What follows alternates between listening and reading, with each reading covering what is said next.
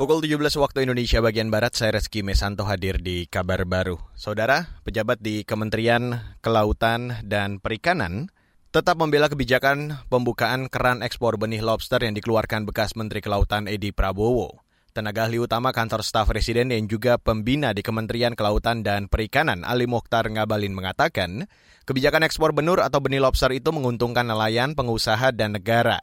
Ali Mokhtar menyebut sebelum Edi menjadi menteri, kebijakan lobster tidak pernah menguntungkan para nelayan berapa banyak nelayan yang menderita karena kebijakan terdahulu itu terkait dengan pelarangan baby lobster itu. Kita tahu bahwa pelarangan itu juga dilakukan, tetapi banyak orang melakukan ekspor ilegal. Makanya saya pernah bilang bahwa kebijakan ini memang tidak populer, tetapi kebijakan yang dilakukan oleh Pak Edi ini kan eh, yang pertama bukan saja eh, kebijakan yang diambil serta-merta, tetapi kan beliau punya penasehat ahli yang expert dalam bidang eh, budidaya lobster ini kan sangat paten. Itu tadi Ali Mokhtar ngabalin dalam wawancara dengan salah satu televisi swasta usai mundurnya Edi Prabowo dari posisi menteri.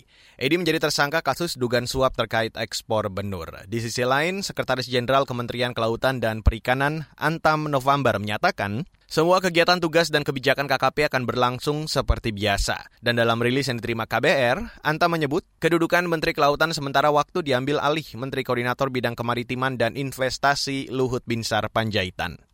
Kita beralih ke informasi lain, Saudara Komisi Pemberantasan Korupsi atau KPK hari ini memeriksa sejumlah saksi terkait dugaan korupsi di perusahaan BUMN di bidang asuransi yaitu PT Jasindo. Juru bicara KPK, Ali Fikri dalam keterangan tertulis mengatakan, KPK akan segera menetapkan tersangka baru dalam dugaan korupsi terkait jasa konsultasi bisnis asuransi dan reasuransi oil dan gas pada PT Asuransi Jasa Indonesia Persero tahun 2008 hingga 2012.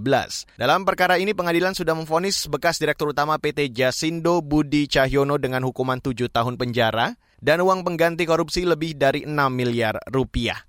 Kita ke Amerika Serikat, saudara. Presiden terpilih Amerika Serikat Joe Biden menyatakan ia yakin warga Amerika tidak akan mendukung upaya menggagalkan hasil pemilu Presiden 3 November lalu.